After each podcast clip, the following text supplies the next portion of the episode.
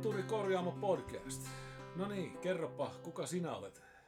Ää, kiitos. Kaikki tietävät, kuka sinä olet. Robban on se mies, joka toi Johnny Winterin Kokkolaan, mutta minä olen elokuva-arvostelija ja asunut koko ikäni Kokkolassa, mutta nyt kun tänne piti tulla, niin olin ihan eksyksissä, että onneksi pelastit tuossa kadun kulmauksessa. Kyllä, no, no mutta sä oot ihan aito kokkolalainen. Mä oon, mä oon syntynyt täällä, että, että kaikki mun neljä vanhempaa veljeä on syntynyt sitten Vetelissä. Joo. Että, että kun, sitten kun rakennettiin tänne taloon, niin minä synnyin sitten täällä. Ja en ole osannut täältä sitten pois lähteäkään mihinkään. Joo, missä sä oot varttunut sitten? Kaustarissa siellä radan toisella puolella. No, minkälaista se oli varttua Kaustarissa sitten? Siellä oli paljon ruotsinkielisiä ja oli. lestadiolaisia. Ja Sitten lestadiolaisia mä en tiedä, mutta oli tota, e, tota, verojohtaja Hegblom asui siinä tota, ihan meidän naapurissa. Ja tota, siinä oli sitten se kauppa, mistä sitten lähdettiin tota bussia odottamaan kouluun ja muuta. Mutta se oli oikein mukavaa seutua. Siellä oli kiva juoksennella ja leikkiä tota, länkkäriä ja intiaania ja kaikkea tämmöistä. Että lapsuuden kesäthän oli kaikki sitten tämmöisiä, niin kuin nytkin helteisiä ja auringonpaisteisia. Mm, just. Missä sä kävit koulun sitten? Ää, mä kävin tota, Kirkonmäen koulu. Sillä oli silloin se, mikä on nykyään kai seurakunnalla, niin se puoli oli sitten niin Kirkonmäen ala-aste. Ja sitten tota, sitten se, mikä on, onko siinä vielä koulu vai oliko se se, joka nyt myytiin pois, niin siellä oli sitten ne vähän ylemmät luokat, neljä, neljä ja viisi. Ja sitten mentiin sinne rakennettiin se uusi keskuskoulu. Mm. Mä en tiedä, millä nimellä sitä nykyään kutsutaan, onko se vielä käytössä, semmoinen tiilikoulu. Niin siellä oli sitten yläaste jostain 5, 6, 7 luokista. Mutta mä pelkään koko ajan, että sä kysyt kaikkia paikkakysymyksiä koko ajan. Mä oon asunut täällä vasta 65 vuotta. En mä niin hyvin tunne tätä seutua. Joo. No, no, no, minkälaista oli Kirkonmäellä siihen aikaan? Ää, no koulussahan oli tota noin, joo, siellä oli hyviä, mukavia opettajia, sitten oli tota, pelottavia opettajia, sitten tämä koulujohtaja Vä- Väiski oli sitten semmoinen, josta kuultiin vain tarinoita, hän ei koskaan opettanut mua, mutta että tämä on varmaan tämmöistä tyypillistä koulunkäyntiä, mitä, mitä on ollut, mutta, mutta sieltähän tuli sit, oli sitten aina kiire taas takaisin bussille kotiin Kaustariin ja sitten harmitti, kun päivällä tuli tuo Roger Mooren näyttelemä aivan housarja, ja siihen ei ihan ehtinyt sillä bussilla, millä pääsi koulusta. Sehän siinä eniten harmitti. Eli tämä elokuva-innostus, se lähti siitä asti? Äh, mä luulen, että mä olin toisella luokalla, kun meille tuli telkkari. Mm. Ja tota, siltä katsottiin tietysti justiin näitä sarjoja. Aivan muistan todella todella hyvin, ja sitähän ei löydy, esimerkiksi DVDlle sitä ei ole koskaan jostain sopimussyistä saatu, että se on YouTubessa, mutta kun ne on niin huonoja, huonolaatuisia ne kuvat, että mielellään sen ottaisi boksina kotiinsa, että voisi nähdä Roger Mooren ennen hänen tota, James Bond-aikojaan. Ja, ää, elokuva tuli sitten myöskin, myöskin tota, pian, pian mukaan, koska sillähän oli vaan ne kaksi kanavaa, tai sitten tuliko jossain vaiheessa kolmas mutta kaikki mitä näytettiin, niin, niin se oli semmoista, ehkä siinä oli vähän semmoinen valistuksellinen ää, takana, että valittiin niitä parhaita, niin mä oon nähnyt kaikki Kurosavat ja Eisensteinit ja tota, Hitchcockit ja, ja, ja, ja tämmöiset sitten varhaisessa vaiheessa ikään kuin oli se elokuvakerho oli silloin telkkarissa. Et mulla oli varsinkin, isän kanssa katsottiin, katsottiin paljon Hitchcockia ja, ja, ja, ja, ja, ja katsottiin totta kai Suomi-filmejä ja muita, mutta sitten isän veli, mun setä Tuure oli semmoinen, joka sitten valisti näistä justiin venäläisestä elokuvasta ja japanilaisesta, niin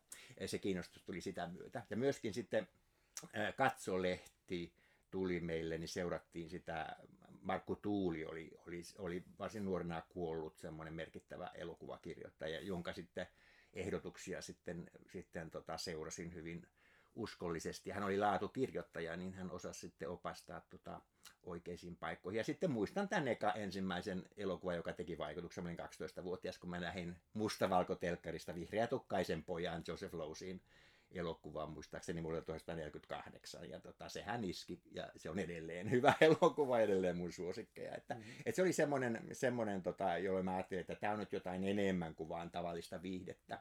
Ja, ja mä muistan sen siitä, että koska ei ollut videoita, ei ollut VHS eikä beta, mikä mulla oli, eikä ollut DVD eikä Blu-rayta, niin mä yritin niin kuin, miettiä, että miten mä saan sen pysymään päässäni sen elokuvan. Ja kun siinä oli sitten tämä melodia, tämä Nature Boy oli sen, mm. sen teemasävel.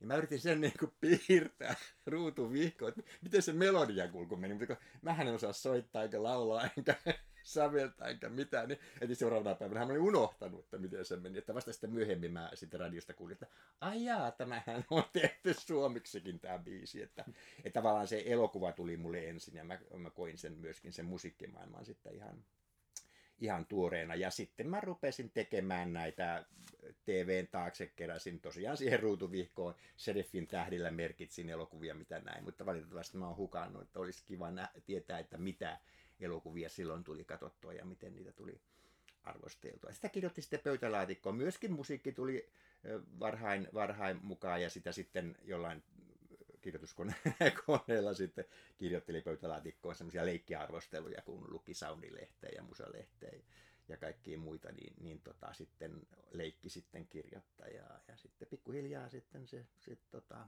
jota, jotakin kautta sitten kehittyi ammatiksi, kun ensimmäisiä juttuja sitten lähetteli elokuvista Keski-Pohjanmaahan ja yllättäen sitten ne julkaistiin. Mulle ei kerrottu mitään, että mä vaan näin, että ne tuli lehteen ja siitä se sitten, siitä se sitten sai, sai tota alkunsa toi kirjoittaminen. Että totta kai sitten työelämä tuli sitten kaup- kaup- kaupallisen koulutuksen kävi ja sitten menin, osuus, menin osuuspankkiin, se oli sitä aikaa kun pääsin vaan menemään.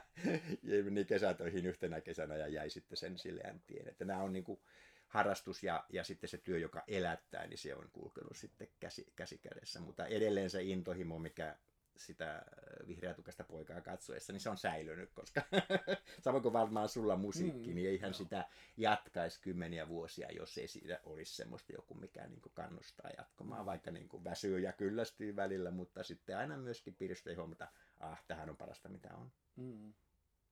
Joo. Mahtavaa. No, no, kerro, kerro siitä, että kun kävit ensimmäisiä kertoja sitten oikein elokuvateatterissa. Joo, se oli harvinaista herkkua, nimittäin äh, mä muistan sen elokuvan kyllä, ja en, en muista mikä ikä olisiko se sitten alta kymmenen tai, tai, tai, tai mitä, mutta se oli tota Tartsan suurkaupungissa, ja sai näidin niin ylipuhottua, että mentiin katsomaan sitten, äh, oliko se nyt äh, Tarzan's New York Adventure, mikä se oli mm. englanniksi, niin, niin se käytiin katsomaan. Sehän teki suuren vaikutuksen.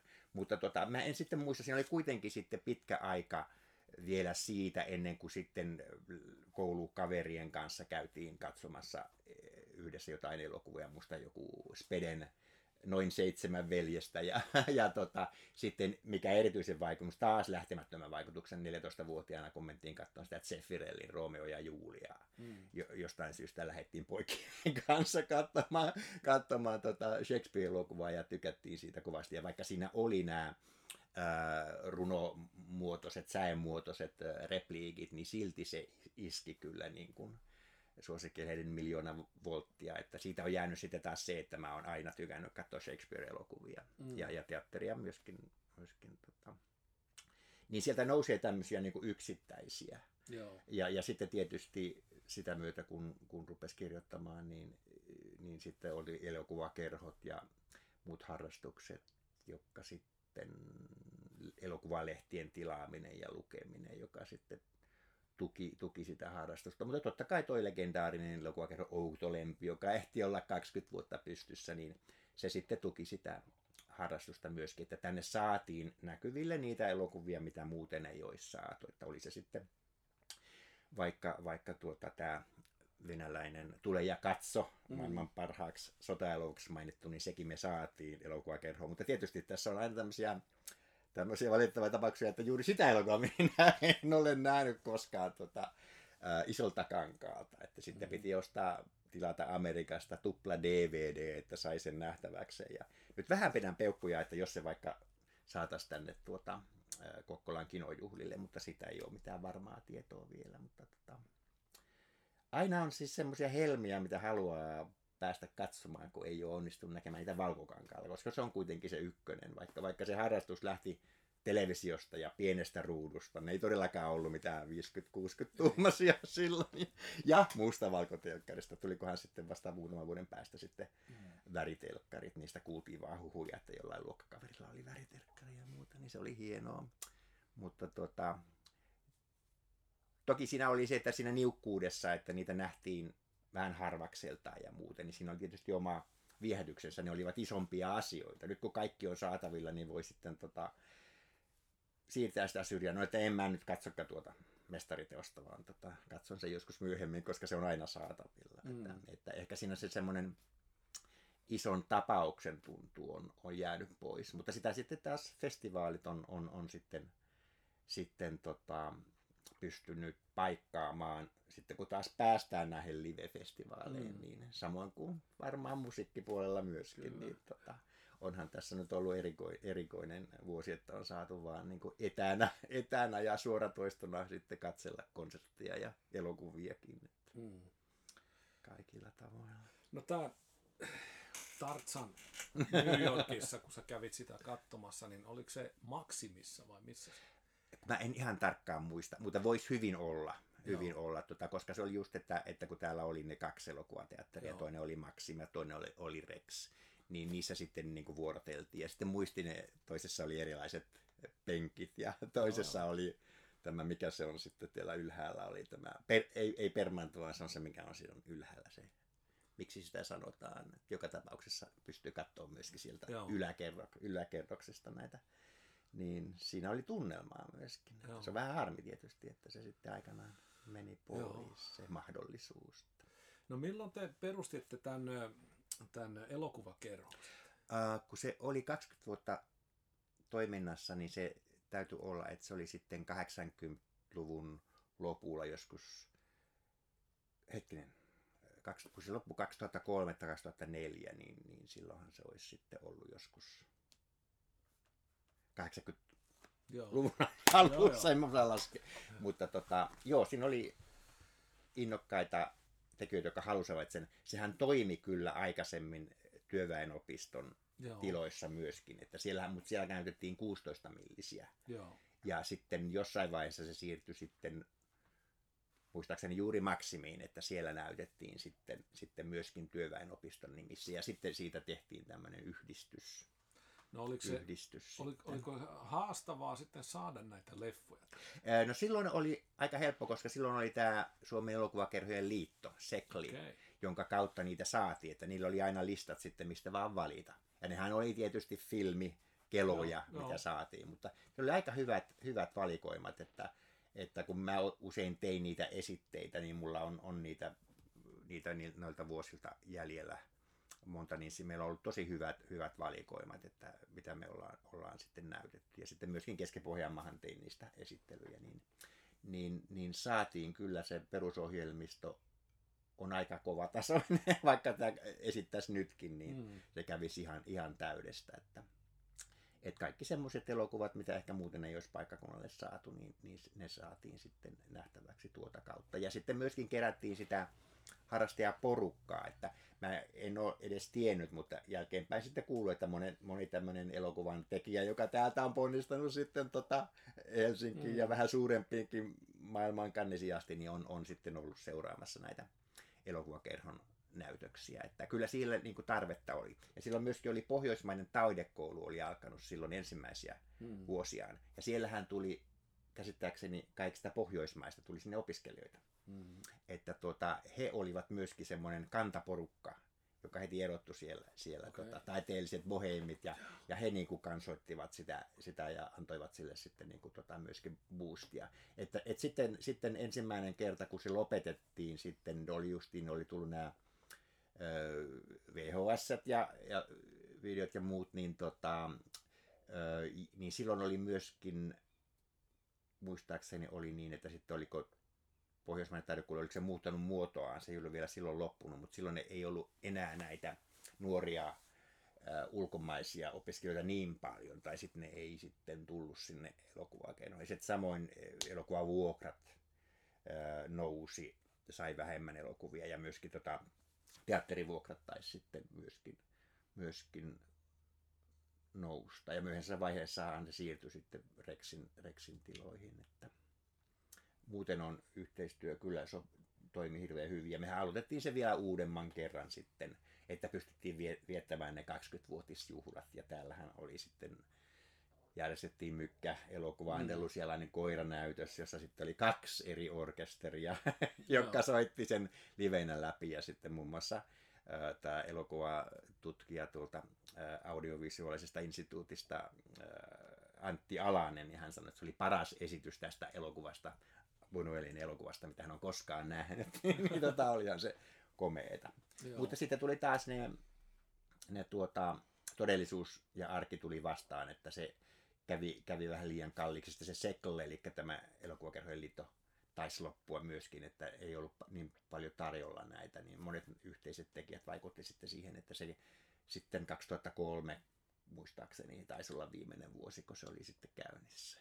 Hmm. Mutta onneksi nyt on saatu sitten uusi pystyyn vuonna 2018, jolloin myöskin kinojuhlat alkoivat, niin silloin tämmöinen hullu nuorempi porukka ehdotti, että kyllä pitäisi tämmöinen elokuvakerho saada. Nyt olisi kovasti tilausta, mä vähän naureskin, että ei, ei, kyllä sitä on yritetty monta kertaa, että ei täällä ole pohjaa sille. Mutta niinpä ne vaan sitten puhuivat ympäri minutkin siihen, sit, siihen löyhään porukkaan mukaan valikoimaan niitä elokuvia ja saatiin se jatkamaan. Ja on, on näytetty hyviä elokuvia myöskin siellä hyvässä yhteistyössä teatterin kanssa. Ja se varmasti tuntuu hyvältä nyt myöskin. Se tuntuu hyvältä, varsinkin tämä tietysti se, että että samaan syssyyn kinojuhlat myöskin aloitti, niin sitten tuntui, että tuli tämmöinen renessanssi ja mm. nämä, nämä tuota, elokuvan tekijät, jotka olivat täältä lähteneet muualle maailmaan, niin ne halusivat antaa, antaa tuota kotiseudulle jotain, niin kuin on tiettyjä muusikoita myöskin, jotka haluavat kotiseudulle edelleen antaa jotain ja järjestää, järjestää tapahtumia, niin tuota, myöskin se, että sitten tämä kinojuhlat saatiin. Mutta totta kai Tämä on sitten aina tämmöistä, että kukaan ei ole profetta omalla maailmaa, niin. että sitä saa käydä kannissa elokuviensa kanssa neljä kertaa ja siltikään ei välttämättä saa sitten apurahoja ja tukia tälle mm. inojuhlille sen verran, että pystyisi niin kuin oikein, oikein tuota kunnon isot juhlat järjestää, vaan se pitää aina niin kuin vähän, vähän sitten myöskin talkoolaisten selkänahasta repiä, että saadaan, saadaan niin kuin tämä tapahtuma käyntiin. Mutta tota, onneksi nyt meillä kävi näin, että, että varmaan seuraaville kinojuhlille sitten saadaan, saadaan ihan kannes edustaja, jos ei ihan kannes voittaja välttämättä, mutta sehän nyt nähdään, nähdään niin tota, mä uskon, että päätiätkin näkee, että joo. elokuva on semmoinen Kokkolan ala niin kuin musiikkikin, jota kannattaa tukea. Mm, joo että siinä mielessä saisi sais jatkuvuutta tälle, niin totta kai se lämmittää, koska se on kuitenkin aina ollut mulle se tavallaan se ensirakkaus, joka on niin pysynyt, pysynyt tota, että sitten mä oon hyvänä kuuntelijana sitten ollut sit musiikin puolella ja totta kai luen, luen kirjoja ja muuta. Että. Joo. Joo, no mä oon käsittänyt, että, että sä aikoinaan lähit myöskin osuuspankista. Sen takia, että sä, sua ei päästetty ne ei antanut sulle lomaa, että sä olisit lähtenyt Sodankylän elokuvajuhlille. No, tämä pitää ihan paikkansa, joo.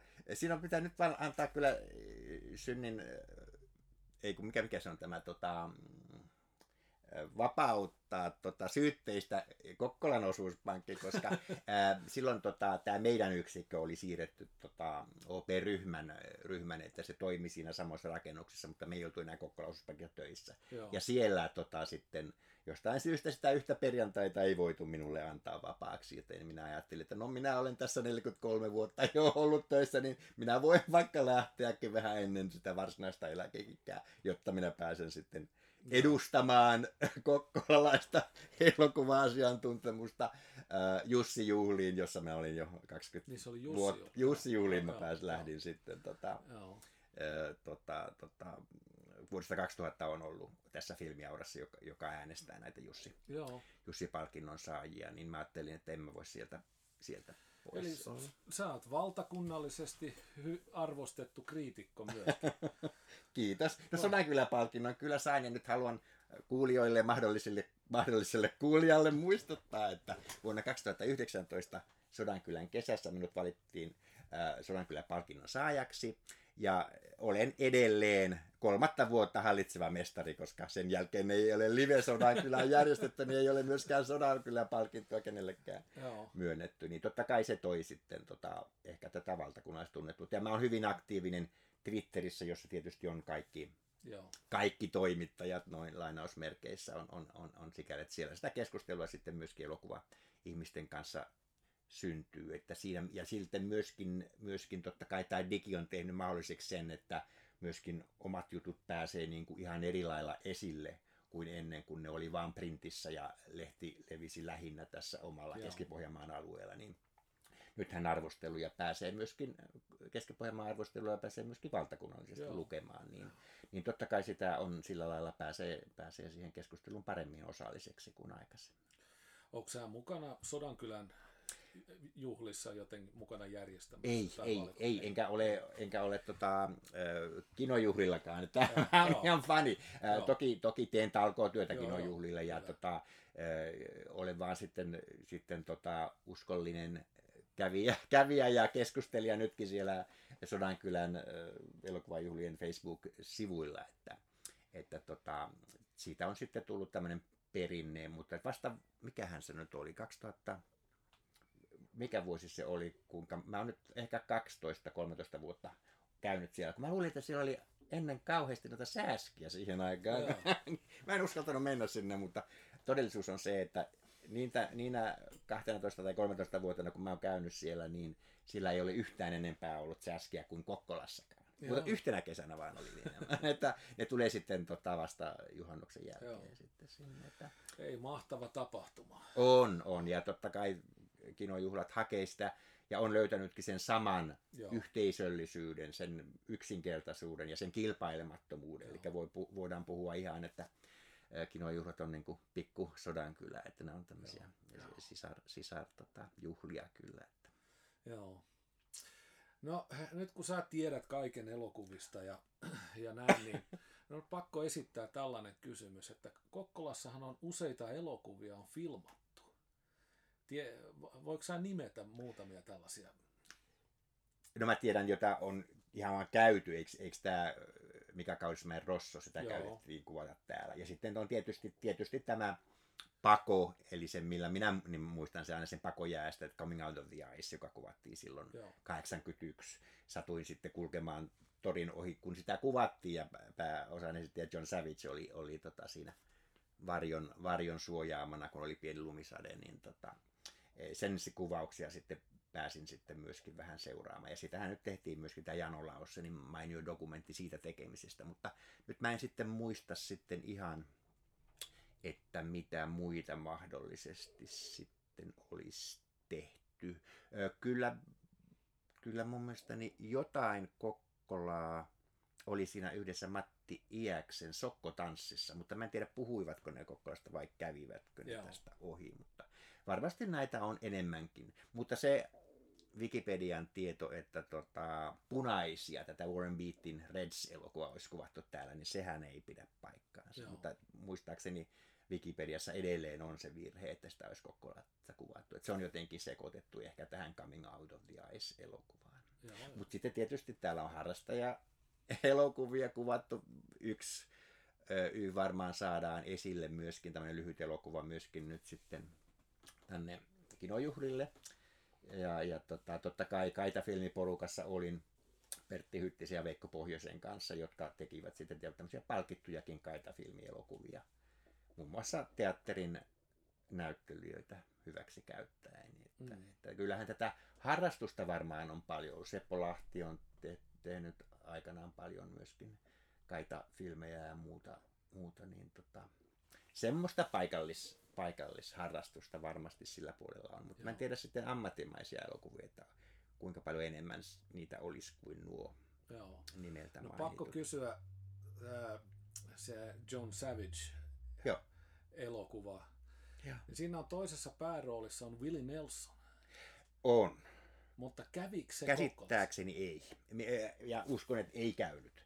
Ja sitä mä en tiedä, missä ne talvikohtaukset oli kuvattu. Niitä oli kuvattu Suomessa hyvin eri paikoilla, että oliko, se, oliko hän siellä pohjoisessa tai missä se nyt olikaan Joo. se äh, vankilakohtaus tehty, mutta hän ei käynyt Kokkolassa. Joo. Että, mutta, mutta sitten, sitten myöskin tämä nais, naispääosan esittäjä Francesca Annis, niin hän, hän, hän käveleskeli täällä. Ja nyt on ollut kiva, koska Francesca Annisia on nähty isoissakin rooleissa nyt sitten näissä brittisarjoissa, mitä on tullut tv niin on ollut kiva, kiva sitten seurata, että hän edelleen, edelleen jatkaa. Ja toki John Savagella on ollut, ollut uraa, mutta ehkä vähän pienemmällä profiililla sitten, sitten mutta olihan hän Kaurimetsästäjässä mm. ja, ja vaikka missä Spike Leen elokuvissa ja muista, että, Joo. että oli se hieno tapaus. Ja, ja tota, elokuva on hieno, siinä on vaan harmi, että siitä ei ole sen parempaa kopiota. Mä luulin, että kun mä ostin Saksan Amazonilta sen saksalaisversion, niin mun mielestä se on se sama, sama piraattikopion taso,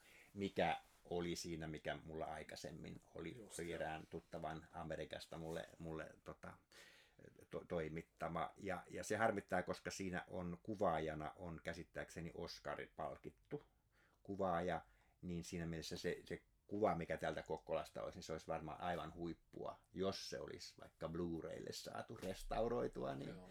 kyllä sitä kelpaisi. Sitä. Se ei ole ollenkaan huono elokuva. Mm. Että, tota, kyllä se kestää aikansa, varsinkin sen John Savagein. Ja tietysti Kokkolan hienojen kaupunginosien lavastusten tuoman, tuoman tota, lisäpanoksen. Ja huikea tarina muutenkin. Tästä. Aivan, aivan todella usko, uskomaton, uskomaton tapaus. Niin, Joo. tota, ja perustuu mielessä. tosi tapahtumaan. Niinpä, niinpä. Joo. Kyllä. Joo, ja amerikkalaisille todella varmaan hyvinkin tunnettu, Joo. tunnettu tapaus. Että kyllä me ollaan elokuvakaupunkikin, totta kai. no millaiset fiilikset sulla on nyt, kun sanotaanko nykypäivän leffoista ja tulevaisuuden leffoista, että onko, onko valoa näkyvissä tunnelissa vai, vai kyllä, tota, kyllä, mä uskon, että tota, varmaan juuri tämä aika, joka on koko maailmaa maailmaa tota, niin kuin kurittanut tämä korona, mm. niin kuin sanotaan, niin se on varmaan aiheuttanut sen, että ihmiset ovat sitten joutuneet varmaan etsimään vähän erilaisia tekotapoja. Mutta mä justiin tota, haastattelinkin Keski-Pohjanmaan tätä Tobias Tiljakkusta, joka oli tehnyt sen Oslo, Oslo tota, elokuvan, niin tota, kun siinä sitten katseli sitä lopputekstiä, niin se oli tusinan verran krediittejä näistä korona toimihenkilöistä, ja sitten heillä oli vielä alaisia, että, että se oli varmaan 50 korona ihmistä tekemässä sitä elokuvaa. Ja kuitenkaan lopputuloksesta ei niin kuin näkynyt, että tämä oli aivan niin kuin elokuva, elokuvat ennenkin. Niin mm. mä uskon, että ne työtavat on, on nyt sitten jo osattu tehdä, että jos päästään tekemään elokuvaa, niin ne voidaan tehdä turvallisesti. Ja varmaankin tulevaisuus siinä mielessä on, on, on valoisampi. Mä ajattelen aina niin taas sitten laadullisesti elokuvan tekemisen kannalta, että mä uskon, että yhä uudet ihmiset on päässyt, kun on tullut digivälineet ja muut, helpommin tekemään elokuvaa ja antamaan näytteitä siitä osaamisesta. Vähän niin kuin varmaan musiikin parissakin. Mm. Ei tarvita hirveän iso, isoja laitteita, että nyt pääsee tekemään jo melkein niin kuin studiotasosta mm. ää, jälkeen.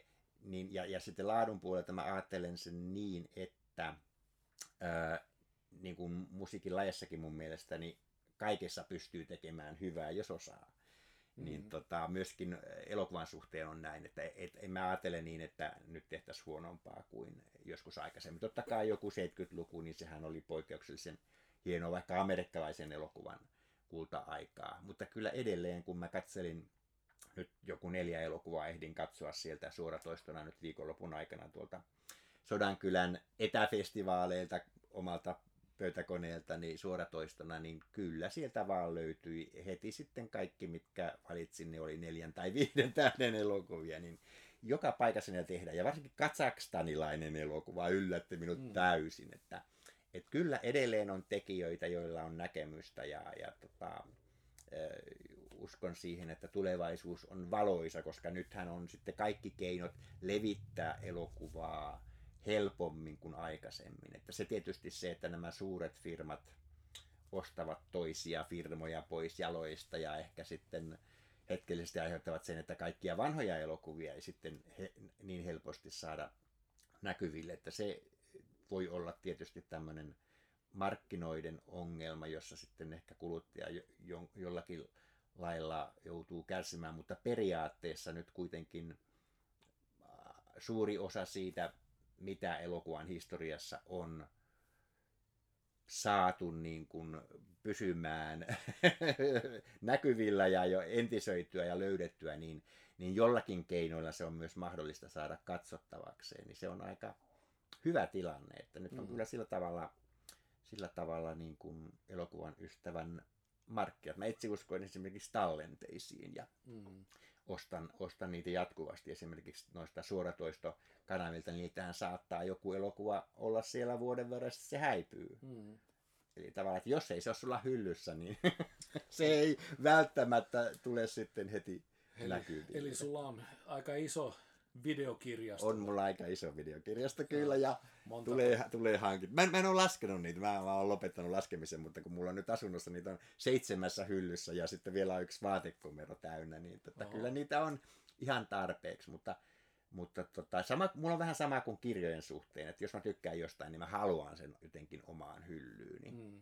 Ja, ja, ja jotenkin se, että se, se on jossain suoratoisto lafkalla, Netflixillä tai HBOlla tai Elisa Vihteen Viaplaylla tai mitä näitä nyt onkin, niin jotenkin se, se ei ole sama kuin se siellä on hyllyssä, koska se voi kadota sieltä, että, että, tai tuleeko se sitten myöskään sinne. Että totta kai on paljon semmoisia elokuvia, joita ei esimerkiksi edes Yle Teema ole esittänyt. Saati, että niitä löytyisi joltain kanavilta. Niin se ainoa keino on sitten, että on näitä DVD- ja Blu-ray erikoistuneita firmoja, jotka kuratoi ne bokseiksi ja laittaa sinne tota, jonkun kirjasen, jossa kerrotaan elokuvasta ja lisämateriaalia ja muuta. Samoin kuin levypuolella. Joo, joo. Että sehän on aivan ihanaa saada joku vinyylikokoelma tai CD-boksi, jossa on todella tehty työtä, että on koottu sitä taustatietoa ihmisille. Että se, että on kaikki musiikki on muka lainausmerkissä Spotifyssa tai kaikki on jossain suoratoistokanavalla, niin se on aika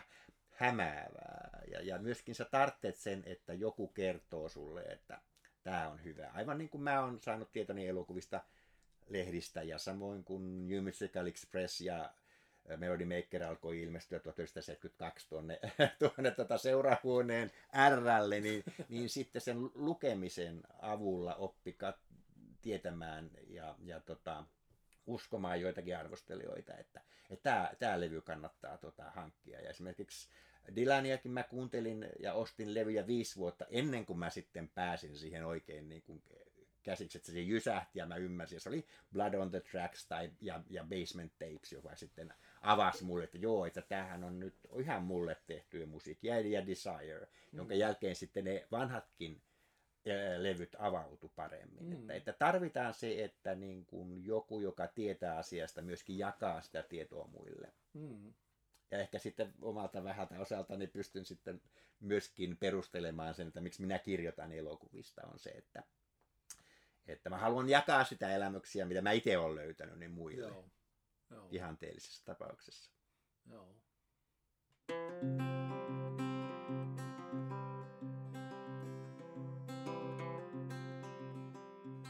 sä halusit puhua myöskin musiikista. Mä halusin puhua musiikista ja meillähän on nyt tämä paitojen taistelu. Sulla on Rushin paita Joo. ja mulla on Sparksin paita. Joo. Kumpi voittaa? Ne on niin erilaisia bändejä. Että... Niinpä, niinpä, ja, niinpä. Eri sarjoissa. Ja musiikkihan ei ole mikään ratsuhevonen. Ei, ei. Ja sama taiteessa ei tarvitse kilpailla. Ja, ja tota, kaikki, kaikki mahtuu. Ja justin tämä, että mä uskon, että jokaisessa lajissa pystytään tekemään hyvää.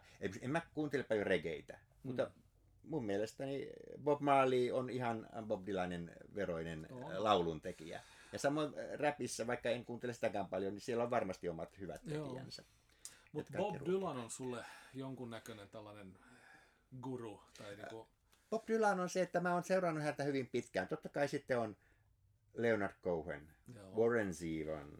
Sparks. Joo. Uh, ja totta kai nyt ei pidä unohtaa sitten, kun monesti puhutaan miehistä ja juhlitaan heidän 80- ja 70-vuotispäiviä, niin pitää puhua myös naisista. Buffy St. Marie on pysynyt mun, mun matkassa mukana. Ja totta kai Johnny Mitchell on ihan yhtä hyvä kuin Bob Dylan ja Randy Newman ja nämä kumppanit. Niin tota, mutta, mutta Bob Dylan on tietysti se, että hän on niin kuin ehkä kaikista pisimpään pitänyt sen tasonsa. Eikä hän ole kuollut keuhkotautiin tai huumeisiin niin kuin moni muu hyvä sillä matkan varrella. Joo. Esimerkiksi mä, mä tykkäsin ed- myöskin tästä mielipiteitä jakaneesta hänen viimeisestä levystään. Musta se oli aivan mahtavaa, että kuka tekee tämmöisen 17 minuuttisen singlen.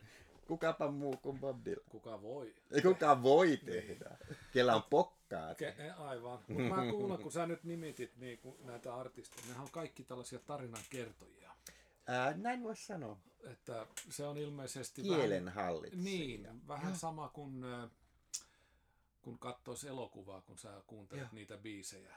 Se on ihan totta. Ja totta kai elokuvia, kun on e- erilaisia, mehän ei päästä sitä tarinasta mitenkään eroon. Vaikka sä teet kuinka abstraktin elokuva, vaikka andalusialaisen koiran tai, tai sitten sä kuuntelet jatsia, niin kyllähän se, niin kun sä miellät sen jotenkin. Sieltä tulee joku tarina tai joku muoto. Kyllähän se muoto pitää kuitenkin siinä olla, olla läsnä. Että, joo, nämä on lauluntekijät. Ehkä mulla on, on se, että no sitten mulla on bändeistä ollut myöskin Jethro Tull on ollut hyvin tärkeä, tärkeä mulle. Mutta just kun niissä on eri vaiheita, niin mä huomaan, että mä aina tykkään niistä, jotka palaa siihen laulumuotoon. Oli se sitten kolme minuuttia tai viisi minuuttia, mutta että se on niin kuin laulumuotoinen. Että, että, että mä en välttämättä tykkää semmoisista isoista maalailusta. Sen takia arvostan jotain Pink Floydia, mutta se ei Mm. ole niin kuin mun suosikkibändi. Joo.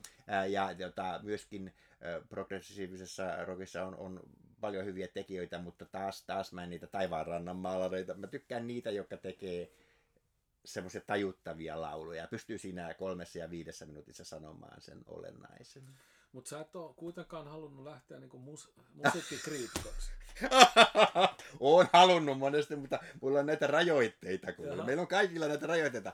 Mä en saa soittaa mitään ja, ja, ja eikä mä osaa laulaa. Mun, mun, mun työkaverini pankissa Päivi Härmälä sanoi, että Hannu, jos sä haluat ajatella lastesi parasta, niin älä laula.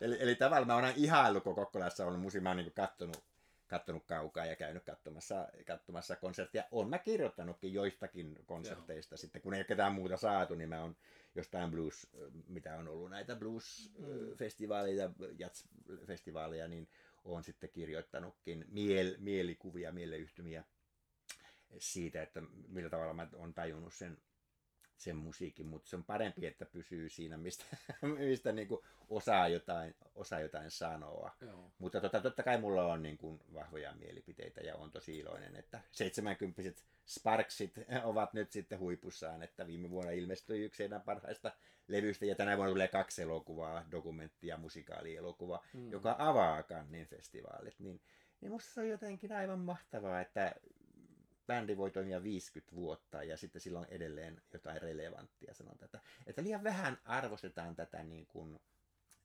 kestoa ja pitoa. Että monesti ajatellaan vaan, että popmusiikkikin on joku päiväperhonen, että se riittää, että sä teet niin kuin yhden hyvän levyn. Ja totta kai se riittääkin, mutta, Mm. mutta mun mielestäni se kuitenkin se on hyvä, niin kuin Bob Dylanillakin on näitä erilaisia vahveita. Että välillä sä oot oikein vahvasti uskossa ja teet kaksi levyä, jotka Mm. huomaat, että hetkinen, nehän on aika hyviä. Ja, ja sitten sä teet maallisempia lauluja ja, ja tota, tavallaan niin päiväkirjamaaritsesti tota, Mm. kirjoittaa sitten elämästään musiikin muotoon. Niin kuin. Tekin olette aika monta vuotta Ventus Joo. Blues Bandin kanssa tehneet kaikenlaista. Meillä- Se oli muuten hieno se teidän Bob Dylan-levy. Kiitos. Ai että. Se tulee nyt vinyylinä myös. Joo, ja sitten tota, justiin, että sitten oli, siinä oli tehty uusiakin suomennoksia, eikö totta? Se, ne oli uusia Joo, joo, joo, joo. kaikki. joo. Kyllä, kyllä esimerkiksi tämä Kelan kanssa tehty, tämä on yksi mun näitä suosikkeja, tämä, tämä uh, Changing of the Guards. Joo. Juise Leskisen. Se on teksti oli Juise Joo, Leskisen. joo. Kyllä, joo, aivan, aivan kerta kaikkiaan hienoa. Joo.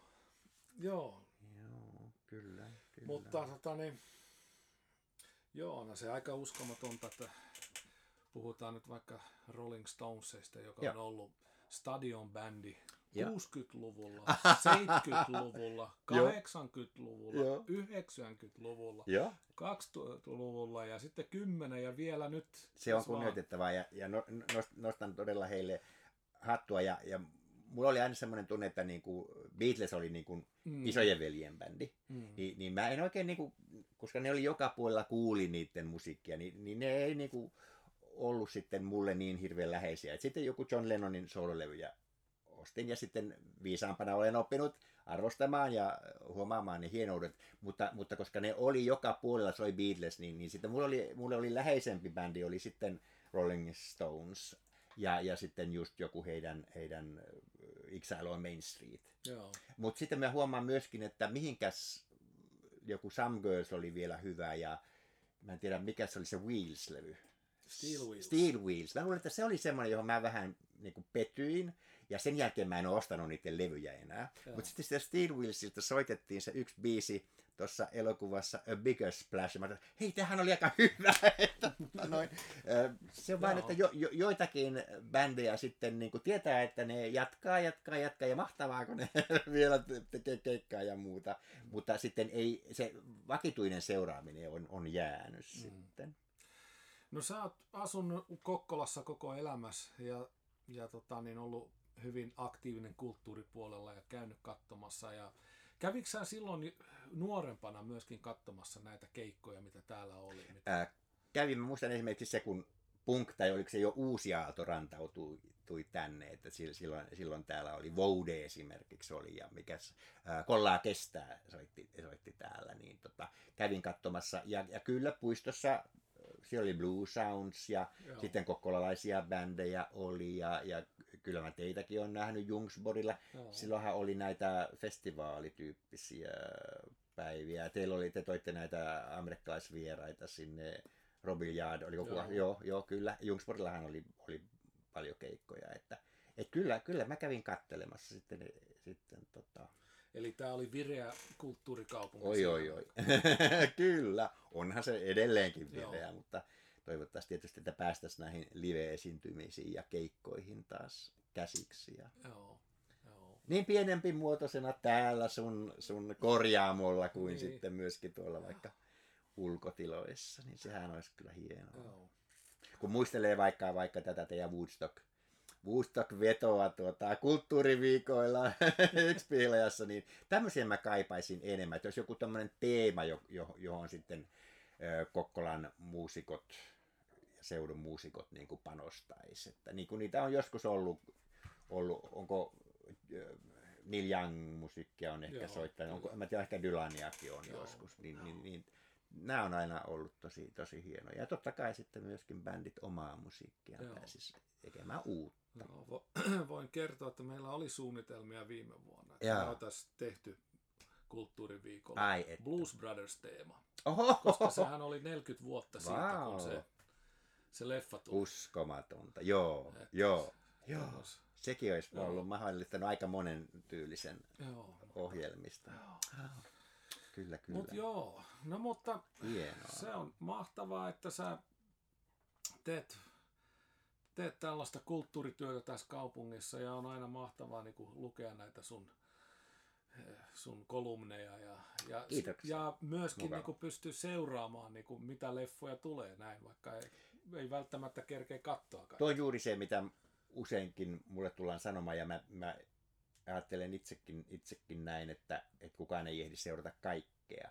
Niin siinä mielessä on hyvä, että, että jos niistä arvosteluista näkee sen, että ahaa, tuommoista tehdään, nyt on, on tuo elokuvan tekijä tehnyt uutuuden. Mä en välttämättä ehdi sitä katsomaan, mutta mä voin katsoa vaikka sen sitten, kun se tulee telkkariin. Mm. Ää, aivan samoin kuin mä en pääse katsomaan kerran vuodessa Helsingissä, niin en mä käy, pääse katsomaan niiden kaikkia taidenäyttelyjä, konsertteja ja muita. Mm. Mutta on kiva lukea lehdestä, että mitä siellä, mitä siellä sitten tapahtuu. Mm. Tai, tai sitten jonkun muusikon levyistä lukee mojo, mojossa tai, tai, tai Uncut-lehdestä tai muussa, niin niin pystyy niin kuin seuraamaan sitä tilannetta. Ja, ja tietysti sitten, että jos, jos se kirjoitus avaa jonkun kiinnostuksen kohteen, niin sitten voi, voi sitten hakeutua sen äärellekin. Mm. Mutta tämä on minusta hyvin tärkeää myöskin, myöskin se kulttuurikirjoittamisella, että, että, että tota noin, niitä ei tarvitse välttämättä niin kuin itse päästä kokemaan niitä näyttelyjä tai levyjä tai, tai elokuvia, vaan niistä voi saada niin kuin jonkun aistimuksen myöskin sen kirjoituksen kautta